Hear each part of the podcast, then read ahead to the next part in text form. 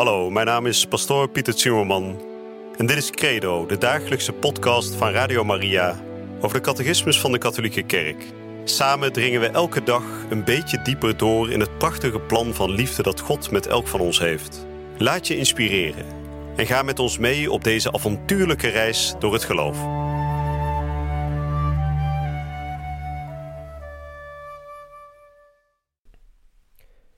Broeders en zusters, beste luisteraars, van harte welkom hier bij Radio Maria voor de dagelijkse catechese. Een kort moment waarin we de catechismus van de katholieke kerk behandelen. En we hebben de vorige uitzending gesproken over het geloof en de verhouding tussen geloof en reden, geloof en wetenschap ook. En het was, denk ik, misschien iets ingewikkelder dan de andere lessen. En ik hoop dat u dat niet afschrikt. Um, het allerbelangrijkste van deze catechese lessen is namelijk niet dat we alles in één keer begrijpen, want dat zou bijna niet te doen zijn, omdat er zoveel in die ene catechismus uh, is neergeschreven. Nee, het belangrijkste is dat we vertrouwd raken met de taal van het geloof. Geloof is ook een, een taal, hè, vergelijkbaar met het leren van een taal. En op het moment dat je Spaans gaat leren, en je gaat een Spaanse film kijken, dan kan het zijn dat je ook helemaal overweldigd wordt door al die snelle zinnen. En um, ja, dan kan het zijn dat we ontmoedigd raken. Maar het is belangrijk dat we ogen houden dat we niet in één keer die hele taal hoeven te leren.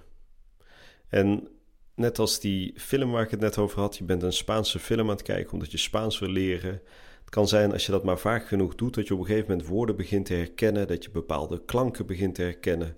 En zo is met het geloof ook. Beetje bij beetje worden we binnengeleid in die diepzinnige taal van God die hij spreekt tot zijn volk en met zijn volk.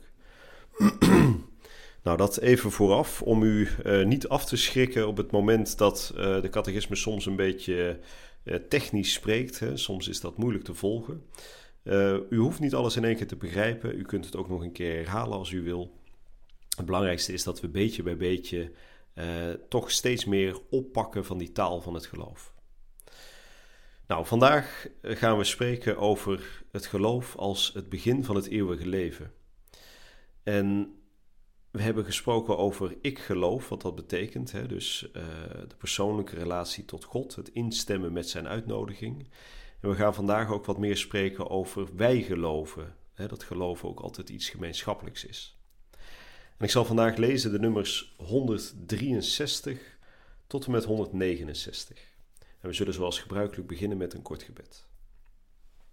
In de naam van de Vader en de Zoon en de Heilige Geest. Amen. Heilige Vader, wij vragen om meer geloof in ons leven. We vragen dat wij de taal van het geloof leren, leren spreken en leren verstaan. We willen bidden dat wij verlicht door uw Heilige Geest, steeds meer vertrouwd mogen raken met uw manier van spreken, u die zich volledig hebt uitgesproken in uw Zoon Jezus Christus. Maak dat we Hem begrijpen en maak dat we door dit begrip uiteindelijk steeds meer ook Hem gaan beminnen en Hem willen volgen. Amen. Nummers 163 tot en met 167.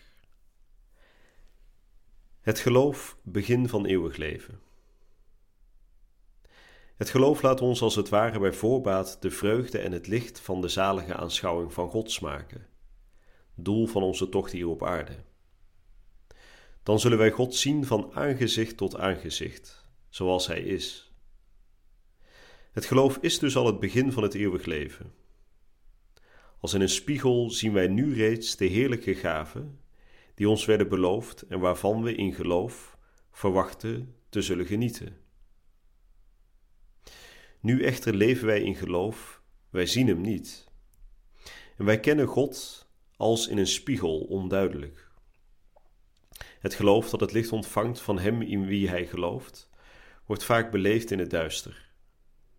Het kan op de proef gesteld worden de wereld waarin wij leven schijnt vaak nog ver verwijderd van wat het geloof ons verzekert. De ervaringen van het kwaad en het lijden, het onrecht en de dood, lijken de blijde boodschap tegen te spreken. Zij kunnen het geloof aan het wankelen brengen en er een verleiding voor worden. dan dienen wij ons te richten naar de getuigen van het geloof. Abraham, die tegen alle hoop in geloofd heeft. De maagd Maria, die op haar pelgrimstocht van het geloof, de nacht van het geloof is binnengegaan, door deel te nemen aan het lijden van haar zoon en aan de nacht van zijn graf. En zoveel andere getuigen van het geloof. Laten we ons dan aansluiten bij de menigte van getuigen van het geloof en elke last en belemmering van de zonde van ons afschudden, om vastberaden de wedstrijd te lopen waarvoor wij hebben ingeschreven. Zie naar Jezus, de aanvoerder en voltooier van ons geloof. Artikel 2. Wij geloven. Het geloof is een persoonlijke daad, het vrije antwoord van de mens op het initiatief van God die zich openbaart. Maar het geloof is niet een op zichzelf staande daad. Niemand kan alleen geloven, zoals niemand alleen kan leven. Niemand heeft zichzelf het geloof geschonken, zoals niemand zichzelf het leven geschonken heeft. De gelovige heeft het geloof van anderen ontvangen. Hij moet het aan anderen doorgeven. Onze liefde voor Jezus en de mensen zet ons ertoe aan met anderen over ons geloof te praten. Iedere gelovige is als een schakel in de grote keten van gelovigen. Ik kan niet geloven zonder gedragen te worden door het geloof van anderen, en door mijn geloof draag ik ertoe bij het geloof van anderen te dragen. Ik geloof. Dat is het geloof van de kerk dat persoonlijk door iedere gelovige, vooral bij, de, bij het doopsel, beleden wordt. Wij geloven. Dat is het geloof van de kerk, dat beleden wordt door de bisschoppen in concilie bijeen, of meer in het algemeen door de liturgische gemeenschap van de gelovigen. Ik geloof. Dat is ook onze moeder de kerk, die door God haar geloof antwoord geeft en die ons leert, leert zeggen: Ik geloof, wij geloven. Heer, let op het geloof van uw kerk.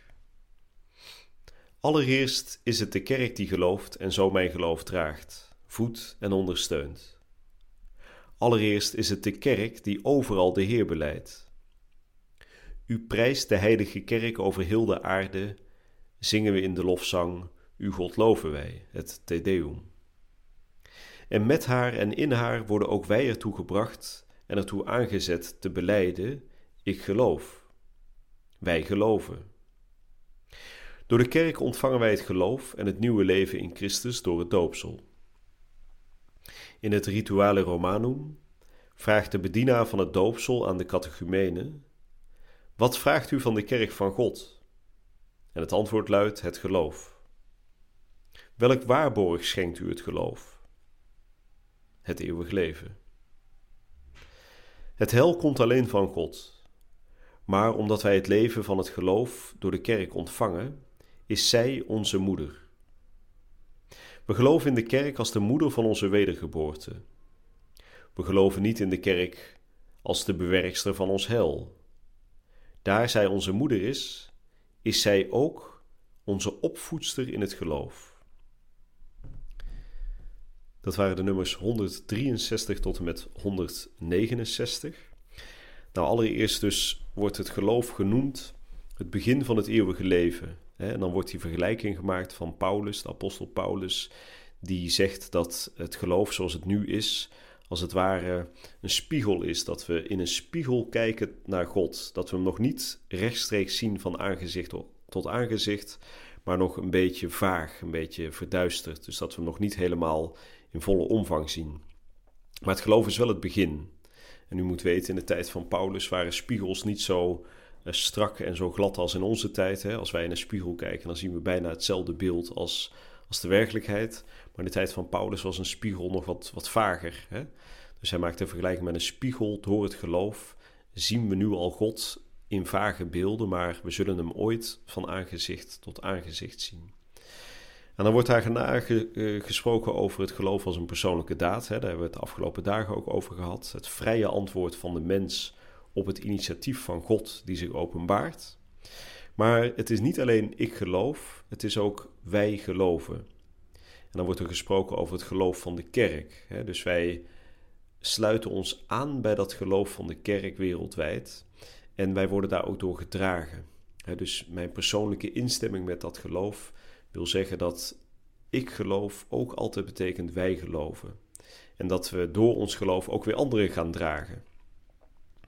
Als iemand eh, begint te twijfelen of die ziet dat zijn geloof achteruit begint te gaan, dan kan het ook een enorme bemoediging zijn als wij laten zien dat we nog altijd geloven en dat we ook ehm, eh, die anderen willen laten delen daarin. dus geloof zet ook weer aan tot nieuw geloof. Dus in die zin ehm, is ik geloven nooit uh, het eindpunt. Het is ook altijd wij geloven. En dat wij geloven versterkt ook weer dat ik geloof. Nou, de volgende les zullen we gaan spreken over de taal van het geloof. Ik heb daar natuurlijk vandaag ben ik daar deze uitzending mee begonnen ook. Het geloven is, geloven is als een taal die je moet leren spreken en waarin je helemaal ondergedompeld moet worden om die taal echt je eigen te maken. Net zoals het Spaans waar ik het over had. Je kunt pas echt Spaans leren als je naar dat land toe gaat en daar ehm, gaat meeleven met mensen die helemaal geen andere taal spreken dan dat Spaans, dan word je er echt in ondergedompeld. En door deze catechese hoop ik dat u ook een beetje wordt ondergedompeld in die taal van het geloof. En dat kan soms betekenen dat we een beetje moeten spartelen, maar dat is niet erg, want uiteindelijk zullen we zien dat we dan door dat spartelen ook echt leren zwemmen. Nou, ik hoop u bij de volgende uitzending weer te ontmoeten hier bij Radio Maria. Je luisterde naar Credo, de dagelijkse podcast van Radio Maria over de catechismus van de Katholieke Kerk. Credo is iedere werkdag te beluisteren op Radio Maria. Maar je kunt de afleveringen ook in je eigen tempo terugluisteren op onze website, in de app of op Spotify en de andere platforms.